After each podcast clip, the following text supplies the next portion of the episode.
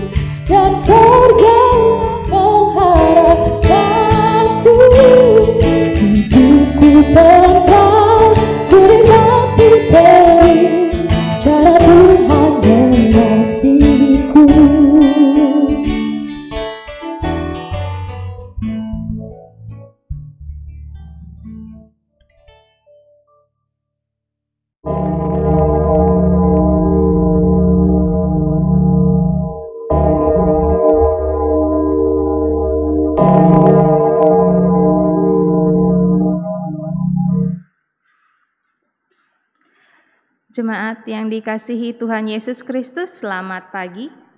Puji syukur kita panjatkan kehadirat Tuhan yang Maha Kuasa karena begitu besar kasih-Nya kepada kita semua sehingga kita boleh berkumpul dan beribadah kembali di kanal YouTube Ibadah Live Streaming GKI Sarwa Indah. Bagi Bapak, Ibu, Saudara-saudari yang baru pertama kali mengikuti kanal YouTube Ibadah Live Streaming GKI Sarwa Indah, kami mengucapkan selamat datang dan selamat bergabung dalam persekutuan di GKI Sarwa Indah. Pokok-pokok warta untuk hari ini adalah sebagai berikut. Kebaktian umum live streaming Minggu Paskah ke-6 pada pagi hari ini dilayani oleh Pendeta Keshe L. Supit Tambunan, Pendeta Gemim. Dua, kebaktian remaja akan dilaksanakan pada hari ini, Minggu 22 Mei 2022 pada pukul 18 dengan tema Damai Melalui Media Komunikasi akan dilayani oleh Saudara Juan Gilbert Buki. Mohon perhatian remaja dan jemaat.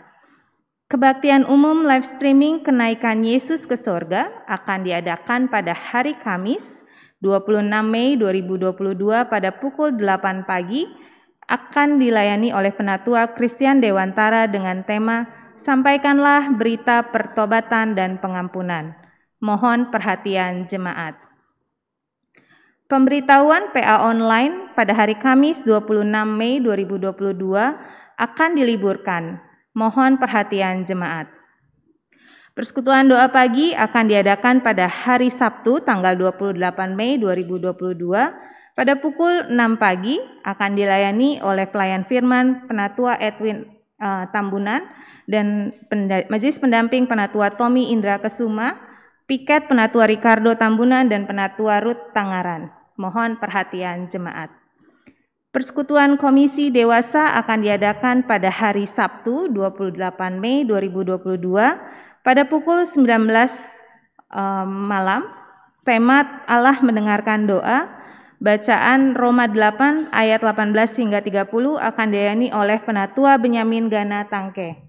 Mohon perhatian jemaat.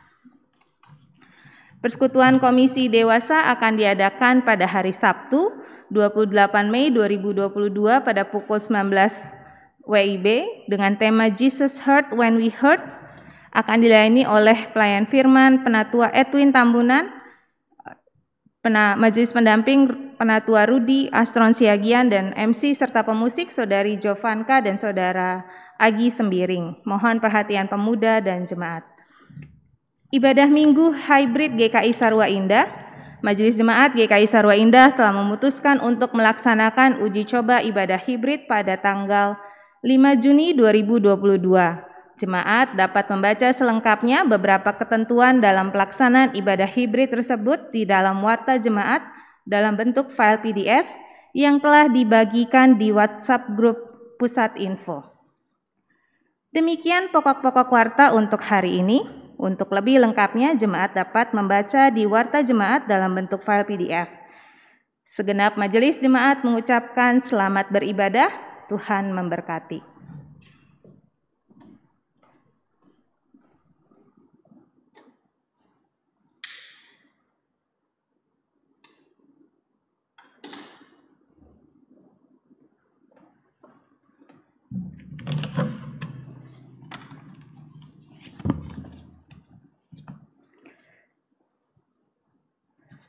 Saudara-saudara, kita memasuki Minggu Paskah ke-6. Allah berkenan hadir dan memberi berkat pada kita dalam ibadah pagi ini. Kasih karunia-Nya dan kuasa rohnya tercurah bagai hujan yang lebat, menyegarkan kita. Biarlah hati dan hidup kita dikobarkan oleh nyala kasih-Nya. Umat diundang untuk bangkit berdiri. Mari kita menyanyikan Kidung Jemaat nomor 18, bait 1 hingga 3, Allah hadir bagi kita.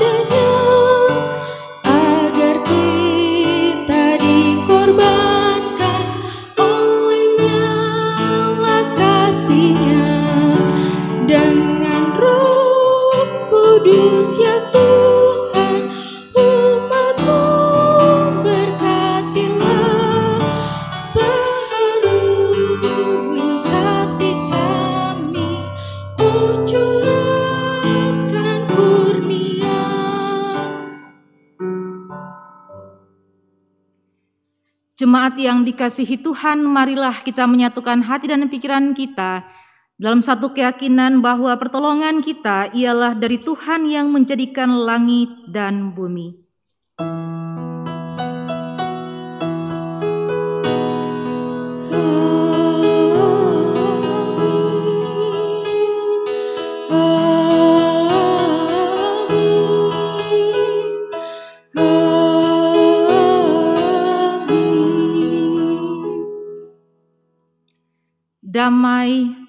Tuhan beserta saudara.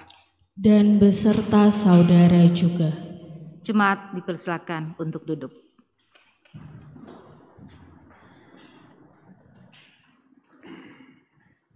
Roma 5 ayat 1 menyatakan, Sebab itu kita yang dibenarkan karena iman, kita hidup dalam damai sejahtera dengan Allah oleh karena Tuhan kita Yesus Kristus. Dari ayat di atas kita memahami bahwa Tuhan Yesus mewariskan Roh Kudus untuk mengajarkan segala sesuatu dan mengingatkan apa yang telah diajarkan Yesus kepada kita. Pertolongan Roh Kudus memampukan para pengikut Yesus untuk hidup dalam pengenalan akan Allah, seperti pengenalan Yesus terhadap Bapaknya, yang mengalirkan sungai damai sejahtera. Damai sejahtera yang dimaksud bukan kemudian menjadi jaminan bahwa murid-muridnya tidak akan mengalami badai kehidupan, melainkan Yesus berjanji bahwa ada kuasa dan damai sejahtera untuk dapat melalui badai itu. Kita, murid-murid Yesus masa kini, memang tidak pernah melihat Yesus secara fisik. Namun, kehadiran Roh Kudus dan damai sejahtera yang melingkupi kita merupakan bukti bahwa suatu saat kelak kita akan bersama-sama dengan Yesus di rumah Bapa. Sementara menantikan waktu itu, marilah kita terus merenungkan apakah di dalam kehidupan kita sehari-hari kita sudah memperlihatkan kehadiran Kristus. Adakah kita sudah menyatakan ketaatan kita kepada firman-Nya? Umat diminta untuk berdoa secara pribadi, lalu saya akan menutup doa pengakuan dosa secara bersama-sama. Mari kita berdoa.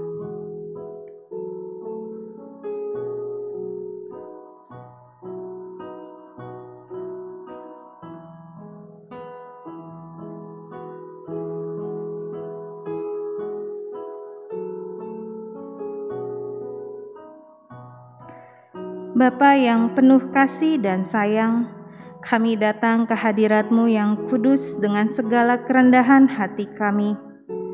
Memohon pengampunanmu atas segala kesalahan dan dosa yang telah kami perbuat. Kami yang masih kalah dengan kedagingan kami. Kami yang masih belum dapat menghadirkan damai sejahteramu di dalam perilaku, tutur kata, serta segala seluruh kehidupan kami. Kami pun masih belum dapat sepenuhnya taat dalam menjalankan firman-Mu, sehingga kami masih kerap jauh dari kehendak-Mu. Ampunilah kami ya Bapa, dan kiranya Engkau yang mampukan kami untuk dapat berubah dari kesalahan kami dan mampukan kami untuk dapat menjadi saluran damai sejahtera-Mu di dalam kehidupan kami. Di dalam nama Tuhan Yesus Kristus kami berdoa. Amin.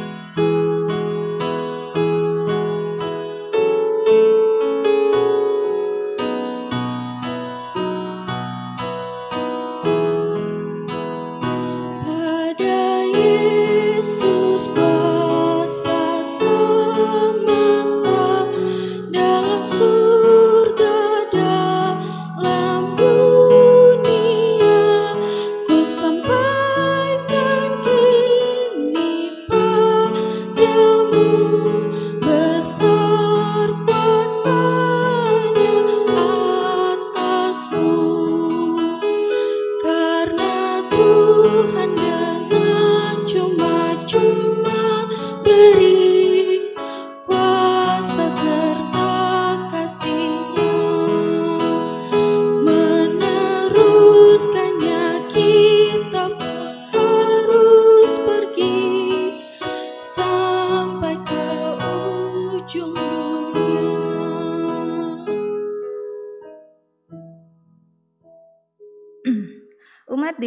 Untuk bangkit berdiri. Berita anugerah bagi kita terdapat dalam firman Tuhan menurut Efesus 4 ayat 22 hingga 24 yang tertulis demikian. Yaitu bahwa kamu berhubung dengan kehidupan kamu yang dahulu harus menanggalkan manusia lama yang menemui kebinasaannya oleh nafsunya yang menyesatkan, supaya kamu dibaharui di dalam roh dan pikiranmu, dan mengenakan manusia baru yang telah diciptakan menurut kehendak Allah di dalam kebenaran dan kekudusan yang sesungguhnya. Demikianlah berita anugerah dari Tuhan. Syukur kepada Allah.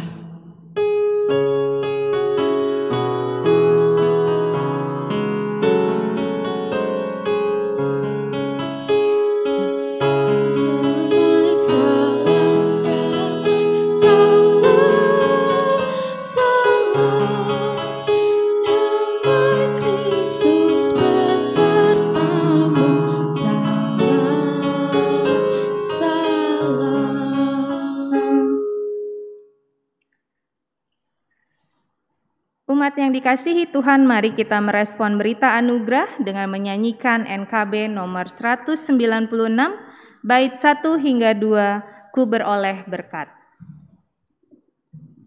Ku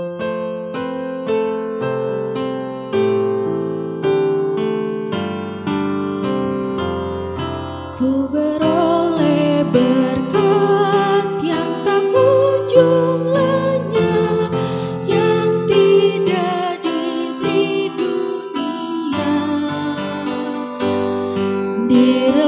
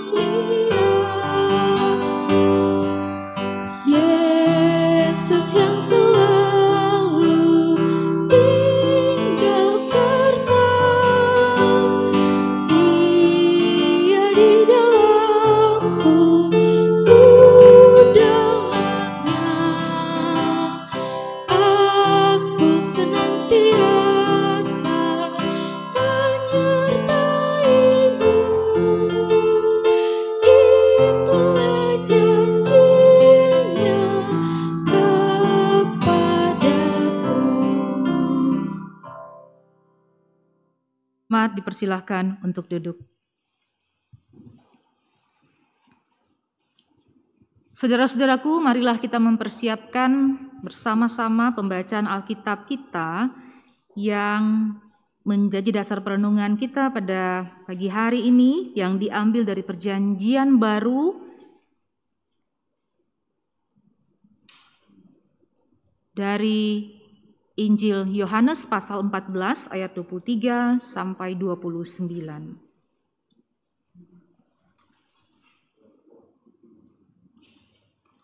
Yohanes 14 ayat 23 sampai 29.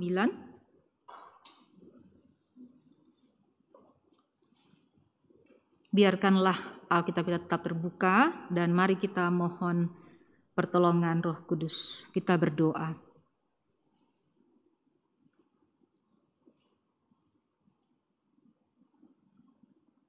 Tuhan Allah Bapa kami di surga.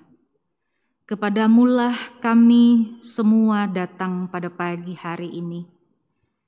Kami bersyukur karena Tuhan memberikan kepada kami kemampuan, sehingga sekalipun kami dari tempat yang berbeda-beda, tapi karena kecanggihan teknologi kami boleh dipersatukan di dalam satu persekutuan umat yang percaya. Kami mau mendengarkan firman-Mu Bapa, karena kami percaya kekuatan firman-Mu menyelamatkan kami. Karena itu kami mohon biarlah rohmu yang kudus menerangi hati kami, pikiran dan seluruh keberadaan hidup kami. Supaya sungguh-sungguh dalam firmanmu kami mendapatkan kekuatan untuk menapaki hari-hari kami ke depan dan segala yang akan terjadi di depan kami.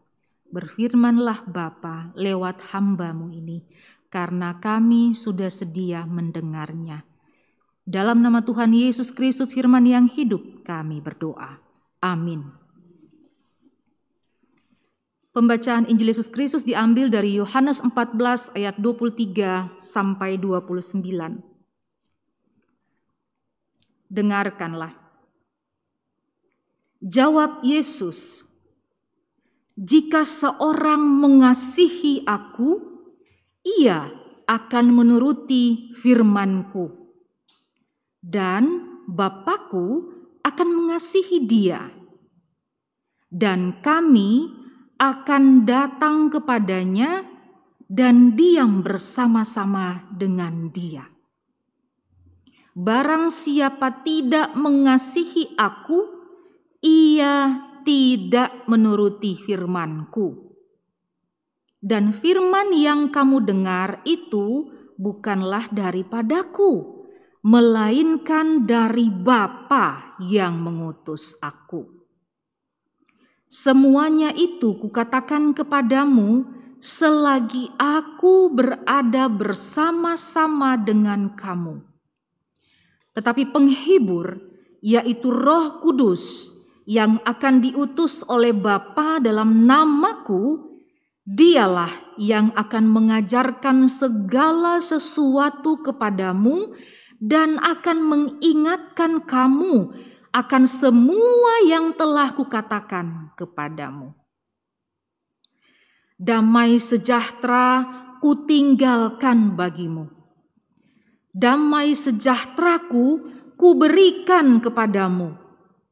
Dan apa yang kuberikan tidak seperti yang diberikan oleh dunia kepadamu janganlah gelisah dan gentar hatimu. Kamu telah mendengar bahwa aku telah berkata kepadamu, "Aku pergi, tetapi aku datang kembali kepadamu." Sekiranya kamu mengasihi aku, kamu tentu akan bersuka cita karena aku pergi kepada Bapakku sebab Bapa lebih besar daripada aku.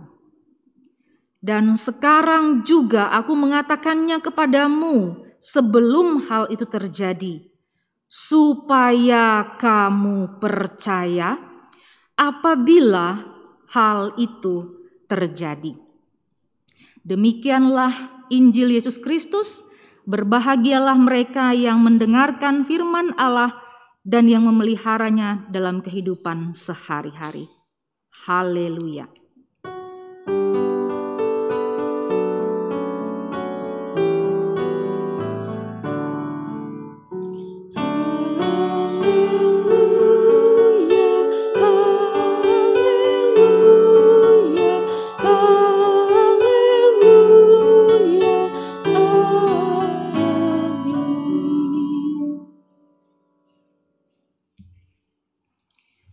Bapak Ibu saudara-saudara yang terkasih,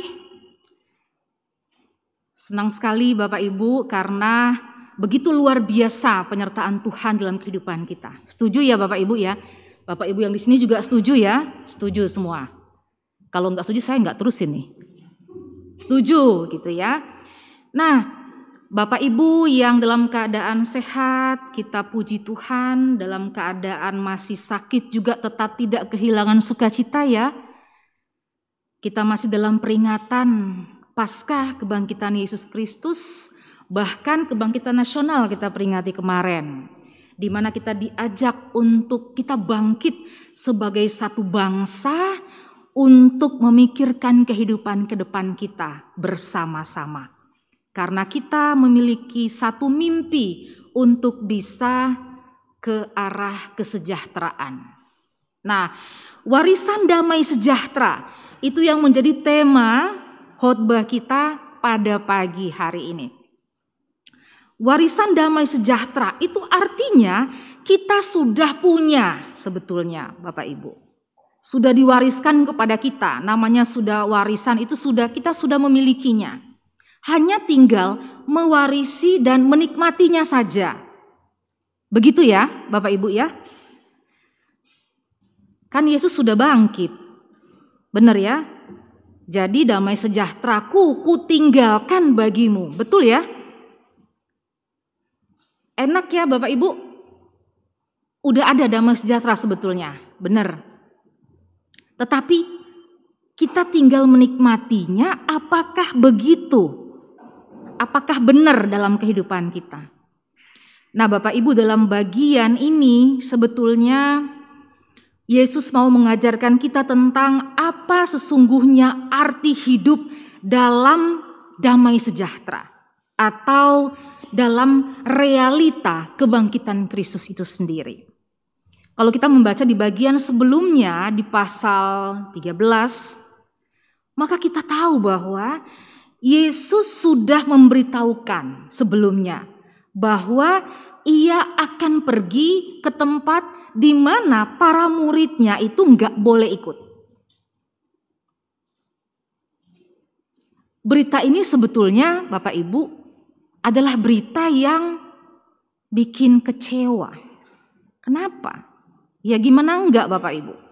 Para murid itu sudah mengikuti Yesus itu dua 24 jam selama kurang lebih tiga tahun. Nah, waktu itu mereka tuh berpikir mereka baru saja mau mulai kenal deket banget dengan Yesus. Eh kok malah Yesus bilang mau pergi, terus mereka nggak bisa ikut itu loh. Ini kan benar-benar mengecewakan gitu ya. Benar ya Bapak Ibu ya? Gimana sih nih? Itu pasti perasaan yang dialami oleh para murid itu seperti itu. Orang yang sudah suka duka bersama tiga tahun terus tiba-tiba bilang mau pergi. Pergi sendiri lagi, mereka nggak mau ikut. Pasal 14 itu kalau kita membaca itu dimulai dengan kata-kata penghiburan yang biasanya kita pakai kalau ada peristiwa kedukaan. Kita baca. Itu ayat 1 sampai 3.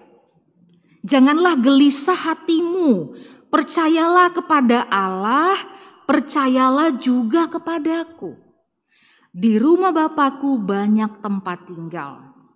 Jika tidak demikian, tentu aku mengatakannya kepadamu, sebab aku pergi ke situ menyediakan tempat bagimu. Dan apabila aku telah pergi ke situ dan telah menyediakan tempat bagimu, aku akan datang kembali dan membawa kamu ke tempatku, supaya di tempat di mana aku berada, kamu pun berada. Ini kata-kata yang menghibur dikala kita berduka. Benar ya? Benar ya, Bapak Ibu ya? Untuk kita sekarang, benar. Tetapi untuk para murid waktu itu, mereka itu pasti tembi galau lagi Bapak Ibu. Karena apa? Karena mereka belum mengerti. Belum terjadi apa-apa waktu itu. Setuju ya Bapak Ibu ya? Nah gimana reaksi para murid waktu itu? Saudara-saudaraku tahu Petrus kan? Uh orang ini, ini murid yang paling reaktif di pasal 13 ketika Yesus bilang mau pergi ninggalin mereka Petrus langsung komen Tuhan emang mau ke mana gitu masa kita nggak bisa ikut aku ikut deh Ntar tenang aja, kalau kenapa-kenapa aku backup deh. Yo, Petrus pasang dada gitu ya, pasang badan dia buat Yesus. Tapi nggak nyangka Yesus malah komen balik gitu ya. Apa kamu bilang mau pasang badan? Sebelum ayam berkokok tiga kali aja kamu udah nyangkalin aku. Waduh.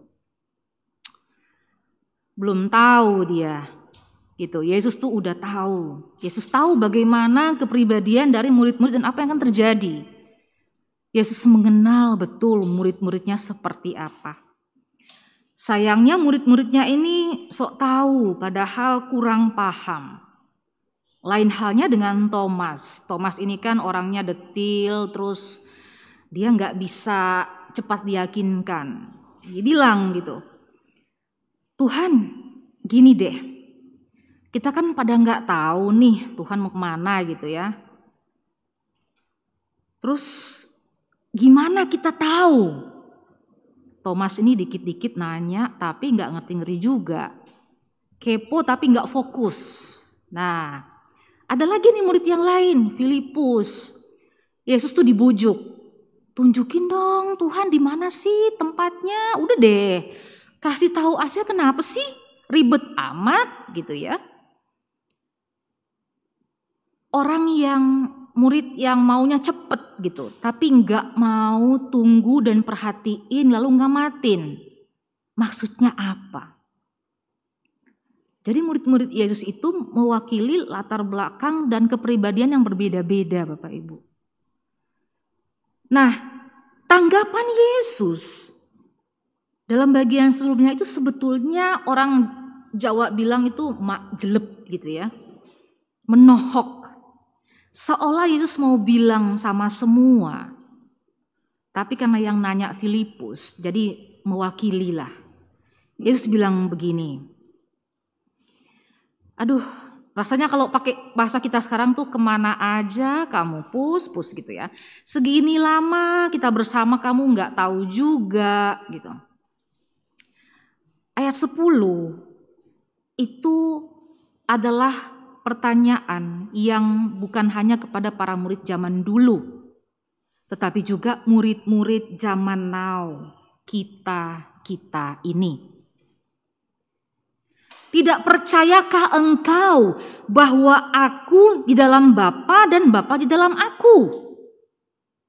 Apa yang aku katakan kepadamu tidak aku katakan dari diriku sendiri, tetapi Bapa yang diam di dalam aku.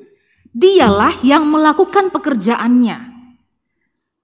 Lalu Yesus menegaskan lagi, "Percayalah kepadaku bahwa aku di dalam Bapa dan Bapa di dalam aku." Atau setidak-tidaknya percayalah karena pekerjaan-pekerjaan itu sendiri. Apa yang sudah Yesus lakukan selama waktu itu. Nah Bapak Ibu saudara-saudaraku, saudara murid-murid Yesus yang sudah tiap hari sama-sama Yesus aja itu rupanya masih suka gagal dalam memahami sebetulnya apa arti kehadiran Yesus. Padahal mereka itu sudah setiap hari melihat Yesus tuh bikin apa aja. Dan orang biasa nggak mungkin melakukan hal-hal yang sudah Yesus lakukan. Tetapi satu hal, rupanya apa Bapak Ibu? Mereka belum percaya.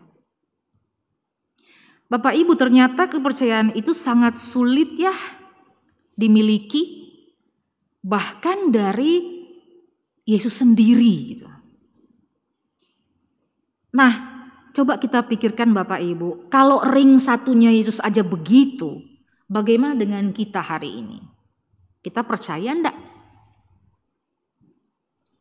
Ternyata Bapak Ibu, kuncinya cuma satu, percaya. Tapi susah ternyata ya. Kenapa susah? Karena kita masih berpikir dari sudut pandang kita sendiri. Masih sibuk dengan segala macam urusan kita. Dan apa yang terjadi di sekitar kita. Dunia kita Jadi sering kali kita itu pengen tahu tapi sulit untuk mengerti. Orang bilang kepo-kepo nggak jelas gitu. Sedangkan Yesus bukanlah guru yang tidak bertanggung jawab. Ngasih pertanyaan yang nggak ada kunci jawabannya. Enggak Bapak Ibu. Udah ada bro, sis gitu ya. Udah ada kunci jawabannya. Di pasal 14 ayat 12. Percaya itu aja. Kan tinggal kita sekarang ini. Mau apa enggak? Itu kan masalahnya. Karena sering kali kita cuma bilang, iya percaya, percaya. Tapi ujung-ujungnya enggak percaya juga. Kayak ilustrasi apa itu petani yang mikul beban hasil hasil tanamannya gitu berat mau dibawa ke pasar gitu ya lalu ada truk lewat terus ngajak ayo ikut ikut ikut naik di belakang lah dia gitu ya Nah ikutan di belakang tapi selama perjalanan ke tempat tujuan bebannya tetap dipikul Bapak Ibu. Enggak dilepas di bak itu gitu loh. Takut diambil kayaknya. Nah kita itu gitu. Kita itu seperti itu. Percaya tapi tidak mau mempercayakan. Benar enggak Bapak Ibu? Padahal Yesus bilang, apa juga yang kamu minta dalam namaku, aku akan melakukannya. Bukan demi Yesus, tetapi supaya nama Allah Bapa dimuliakan melalui Yesus. Artinya, permintaan yang sama seperti yang sudah ditunjukkan dan dilakukan selama hidup Yesus. Beberapa hari yang lalu, ketika memimpin PA virtual, ada seorang ibu yang nanya seperti ini, Bu Pendeta mau nanya dong, emangnya masih bisa ya terjadi ya mujizat-mujizat yang sama seperti waktu zaman dulu, zaman-zaman murid Yesus seperti itu. Bapak Ibu, Kalau pertanyaan seperti ini, kuncinya cuma satu. Bapak Ibu percaya ndak? Kita loh, sudah dikasih kuasa Bapak Ibu. Sudah dikasih roh kudus, roh penghibur, roh kebenaran. Tapi kita masih kepo nggak jelas masih nanya, bisa nggak ya? Yesus sudah bilang, apa yang ia alami akan dialami juga oleh semua orang. Catat, semua yang percaya. Bapak Ibu sudah pernah kan pakai aplikasi di HP itu kan ada ID sama password ya. Kalau nggak bisa kasih password yang benar, nggak bisa kebuka aplikasinya, begitu ya. Sama Bapak Ibu. Ini passwordnya cuma satu, password keselamatan itu cuma percaya. Cuma sering kali kita lupa passwordnya. Apa passwordnya ya? Kita sudah punya padahal. Lupa nyatetnya taruh di mana. Gak diinget. Warisan damai sejahtera sudah diberikan kepada kita. Roh penghibur, roh kebenaran, damai sejahtera. Hanya tinggal kita lakoni saja dalam kehidupan kita di semua aspek sesuai dengan yang Yesus ajarkan nurut sama firmannya dan mau diajarin. Seringkali umat itu sok keminter itu ya kalau orang Jawa bilang gitu. Diajarin tuh ndak mau. Bikin sendiri ujung-ujungnya ketika nggak bisa baru balik. Ini gimana sih? Ini gimana sih kok bisa begini? Kan aku taunya begitu. Tidak mau ikut gurunya. Bapak Ibu, warisan damai sejahtera itu sudah kita punya Bapak Ibu. Apa sih damai sejahtera itu? Bagi saya, damai sejahtera adalah keadaan ketika kita bisa mengendalikan diri kita apa pun situasi yang kita alami dan kita hadapi. Ketenangan yang kita punya dan keyakinan bahwa kita mampu melalui apa pun itu. Karena apa? Karena kita percaya kita nggak sendiri. Kita mampu karena Tuhan ada bersama dengan kita.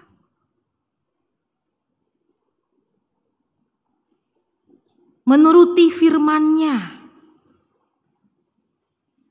Jadi Bapak Ibu ketika kita melakukan firman yang adalah kebenaran itu, maka pada saat itu juga kita akan merasakan damai sejahtera. Jadi damai sejahtera sebetulnya bukanlah tujuan akhir atau konsekuensi gitu.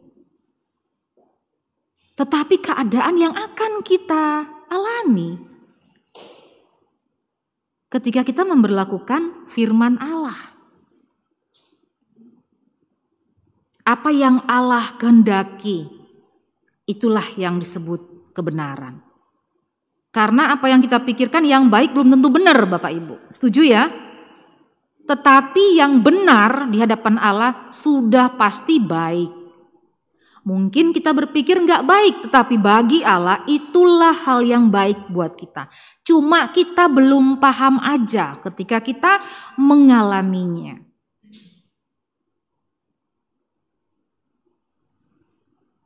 Kita tidak bisa berdamai dengan orang lain jika kita tidak berdamai dengan diri kita sendiri, Bapak Ibu. Setuju ya? Dan kita tidak bisa berdamai dengan diri kita sendiri jika kita tidak bisa berdamai dengan Allah kita. Dan bagaimana sebetulnya berdamai dengan Allah? Ya satu tadi passwordnya. Percaya. Belajarlah mempercayakan. Lepaskan semua beban hidupmu. Jangan dipikul terus Bapak Ibu. Sudah dikasih damai sejahtera, kok masih pilih kecewa, celah, dan sengketa. Gampang terprovokasi dengan keadaan dunia. Gampang baper gitu ya, terbawa suasana. Padahal kita sudah punya kuasa untuk melakukan kehendak Allah. Kenapa saya mengatakan seperti itu? Kadang-kadang manusia itu lupa, Bapak Ibu. Umat itu lupa kalau kita punya kuasa untuk menentukan kebahagiaan kita, damai sejahtera itu. Keadaan di sekitar kita boleh kacau. Orang-orang di sekitar kita boleh melakukan hal-hal yang tidak bisa kita apa kita halangi gitu, kita stop gitu. Tetapi kan kita yang menentukan bagaimana kita harus bereaksi terhadap mereka. Betul ya Bapak Ibu ya? Harus kita dong yang menentukan, saya mau gimana nih? Saya mau ikut-ikutan juga seperti mereka atau saya memilih untuk enggak? Saya enggak mau kehilangan damai sejahtera karena saya adalah agen-agen damai sejahtera. Saya harus menciptakan damai sejahtera sepahit apa pun, sekacau apa pun suasana yang saya hadapi, separah apa pun orang-orang yang memperlakukan saya, saya adalah penentu damai sejahtera itu. Kita punya kuasa, tapi kadang-kadang kita lupa bahwa kita punya kuasa. Orang lain marah, bikin jengkel, terpancing kitanya. Dalam keluarga biasanya seperti itu. Atau di tempat yang lain. Nah, Bapak Ibu Saudara-saudaraku, dari pembacaan ini kita belajar bahwa sesungguhnya firman adalah kebenaran itu sendiri. Dan kita yang sudah mendapatkan warisan damai sejahtera, mari kita nikmati Bapak Ibu. Mari kita nikmati, jangan buang warisan itu. Mari kita menikmati warisan damai sejahtera. Karena kita punya kuasa. Kuasa untuk apa? Untuk memerangi keinginan daging kita. Dan untuk memenangkan kehendak Allah supaya kita bisa berlakukan dalam kehidupan kita. Fokus saja pada firman dan ajaran Yesus. Fokus. Sekarang percayakah kita? Mau Bapak Ibu mempercayakan hidup kita? Mau ya Bapak Ibu? Siap melakukannya? Mantap ya Bapak Ibu ya? Laksanakan. Tuhan memberkati kita. Amin.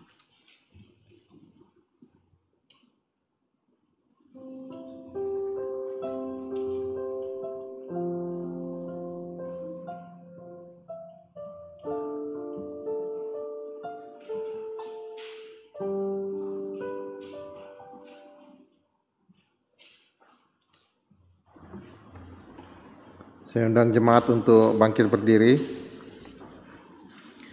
Marilah kita bersama dengan umat Allah di masa lalu, masa kini dan masa depan, mengingat pengakuan pada baptisan kita menurut pengakuan iman rasuli. Aku percaya kepada Allah, Bapa yang Maha Kuasa, Halik langit dan bumi, dan kepada Yesus Kristus, anaknya yang tunggal Tuhan kita, yang dikandung dari roh kudus, lahir dari anak darah Maria, yang menderita sengsara di bawah pemerintahan Pontius Pilatus, disalibkan, mati dan kuburkan, turun ke dalam kerajaan maut. Pada hari yang ketiga, bangkit pula dari antara orang mati, naik ke sorga, duduk sebelah kanan Allah, Bapa yang Maha Kuasa, dan dari sana ia akan datang untuk menghakimi orang yang hidup dan yang mati. Aku percaya kepada roh kudus, gereja yang kudus dan am, persekutuan orang kudus, pengampunan dosa, kebangkitan orang mati, dan hidup yang kekal. Amin. Jemaat dipersilakan duduk kembali.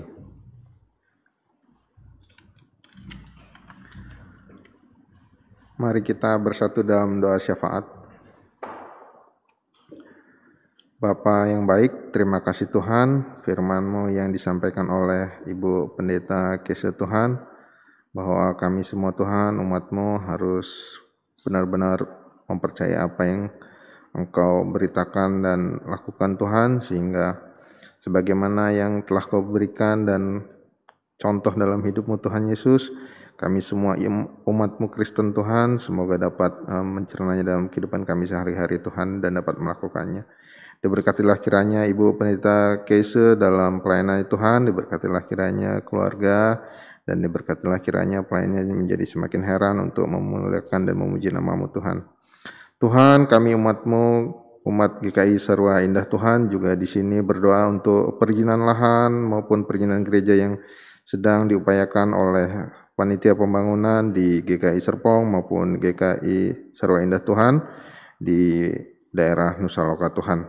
Tuhan di mana saat ini sedang ada proses uh, perizinan IPB Tuhan, izin peruntukan bangunan gedung Tuhan, semoga Tuhan dalam proses ini Tuhan baik uh, pihak-pihak dari pemerintahan maupun dari uh, wilayah yang memproses ini semuanya bisa berjalan dengan baik dan sesuai dengan kehendakmu saja yang jadi Tuhan.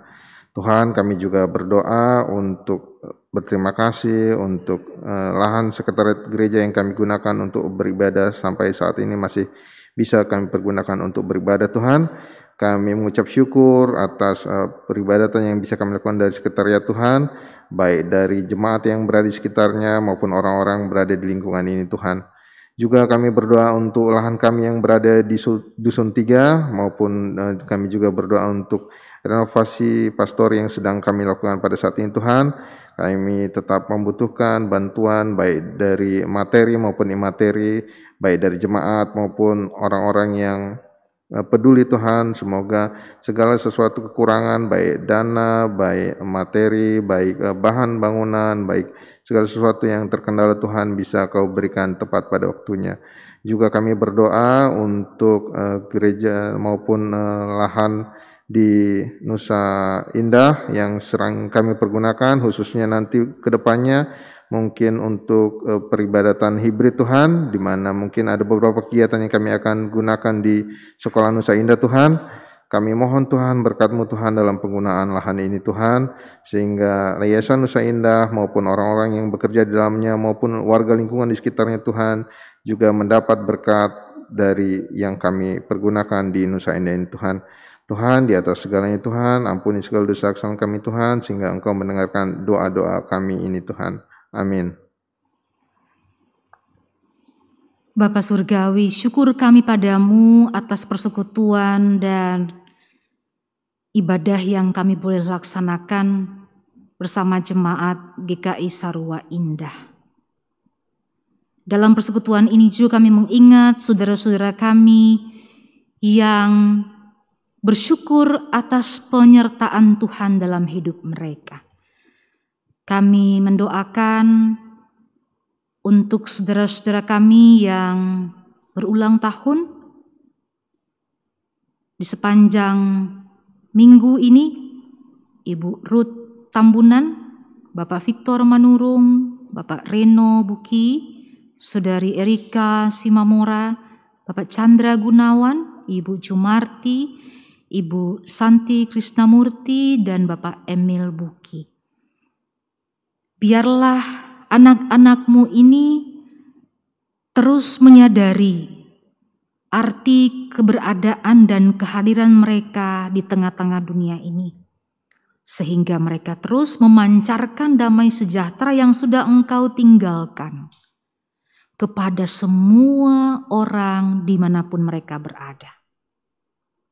Kami juga mendoakan untuk saudara-saudara kami yang masih bergumul karena keterbatasan fisik mereka, mereka yang masih sakit dan dalam masa pemulihan, Ibu Mami Palon, Ibu Hana Panjaitan, Ibu Yulia Kristianti, Bapak Christian Hutagalung, Ibu Nike Buki, Bapak Wahyu Hidayat dan Ibu Yohana Triani, orang tua dari Penatua Kristian Dewantara, Ibu Maria Magdalena, Ibu Tambunan, Ibu dari Ibu Tiara Panggabean, Ibu Sara Jaya Sumadi, Bapak Rudi Pasaribu, Ibu Jumarti, dan saudara-saudara kami di jemaat ini yang belum sempat kami sebutkan.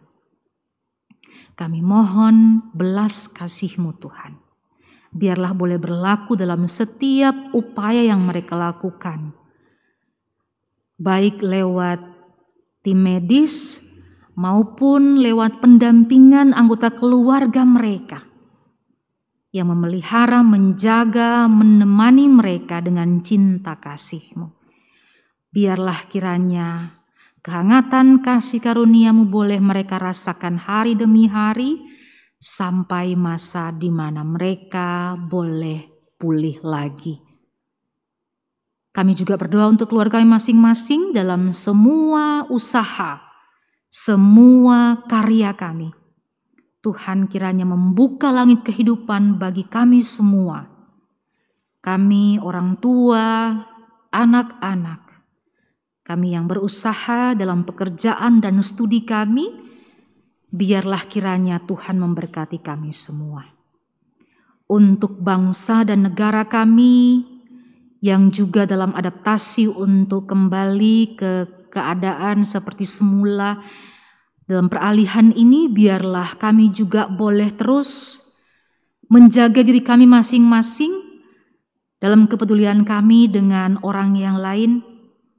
Kami juga boleh terus mengikuti peraturan pemerintah kami dan kami mendoakan untuk pimpinan tertinggi untuk Bapak Presiden Joko Widodo. Berikanlah hikmat kepada anakmu ini Tuhan dalam memimpin bangsa dan negara kami beserta seluruh staf pemerintahan yang di bawahnya, biarlah dalam takut akan Tuhan, anakmu ini boleh membawa kami, masyarakat bangsa Indonesia, ke keadaan yang lebih baik lagi. Inilah kami yang mohon kepadamu Bapa. Kami membawa seluruh permohonan kami ke dalam tanganmu yang penuh kasih. Dalam nama Tuhan Yesus Kristus yang sudah mengajar kami berdoa.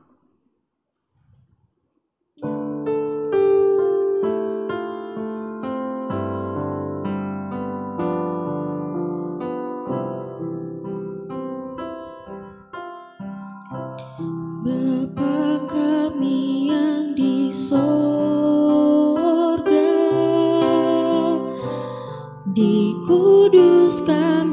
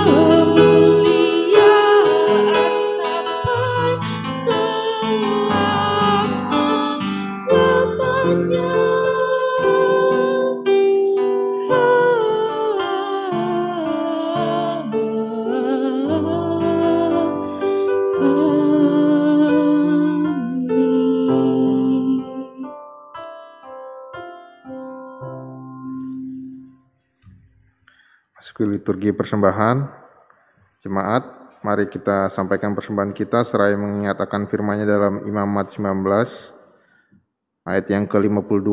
Apabila kamu mempersembahkan korban keselamatan kepada Tuhan, kamu harus mempersembahkannya sedemikian hingga Tuhan berkenan akan kamu. Sambil diiringi oleh nyanyian umat dari Kidung Jemaat 288 bait 1 sampai 3, mari puji Raja Sorga. Mari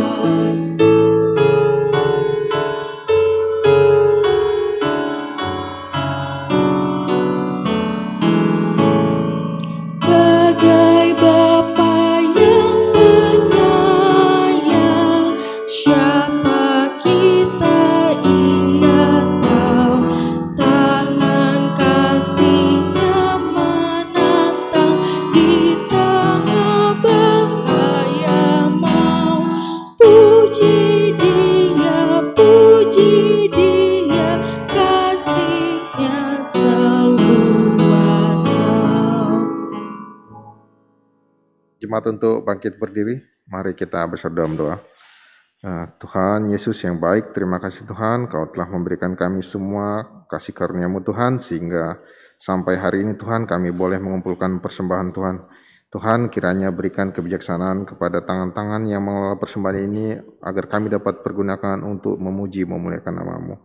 Hanya di dalam namamu, Tuhan Yesus Kristus, kami berdoa. Amin.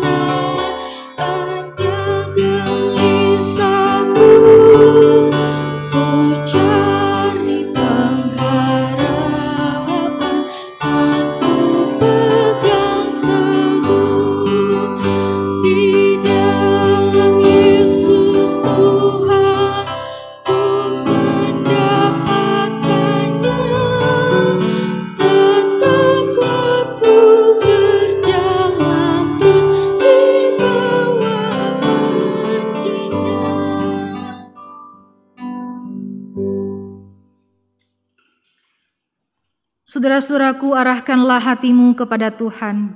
Kami mengarahkan hati kepada Tuhan, Jadilah saksi Kristus. syukur kepada Allah, Terpujilah Tuhan. kini dan selamanya. Saudara-saudaraku, angkatlah hati kita dan terimalah berkat Tuhan. Tuhan memberkati engkau dan melindungi engkau. Tuhan menyinari engkau dengan wajahnya dan memberi engkau kasih karunia. Tuhan menghadapkan wajahnya kepadamu dan memberi engkau damai sejahtera. Amin.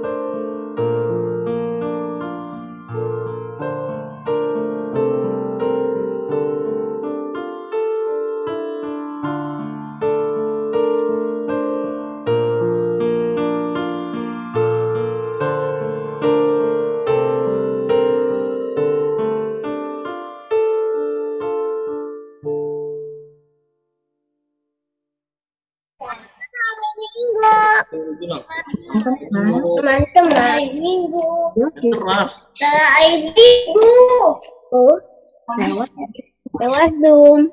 Selamat hari Minggu. Hari Minggu. Hari Minggu. Selamat hari adanya.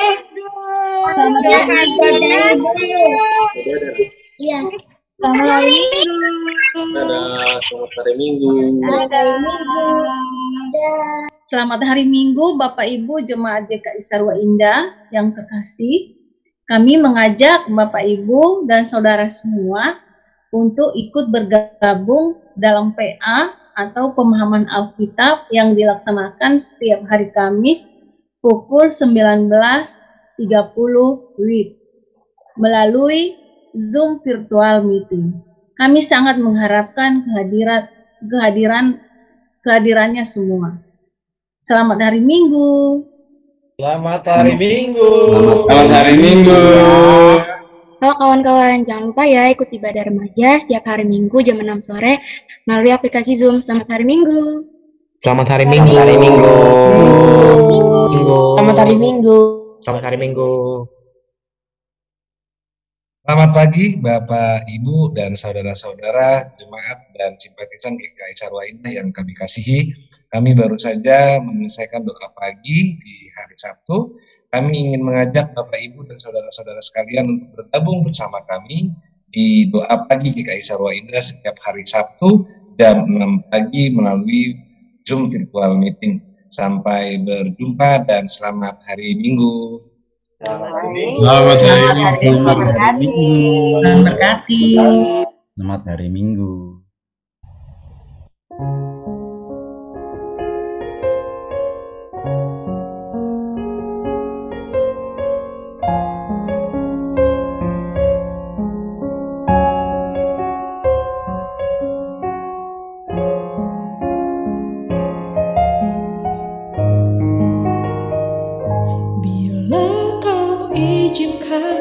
Sesuatu terjadi. Ku percaya semua untuk kebaikanku. Bila nanti telah tiba waktumu Ku percaya kuasamu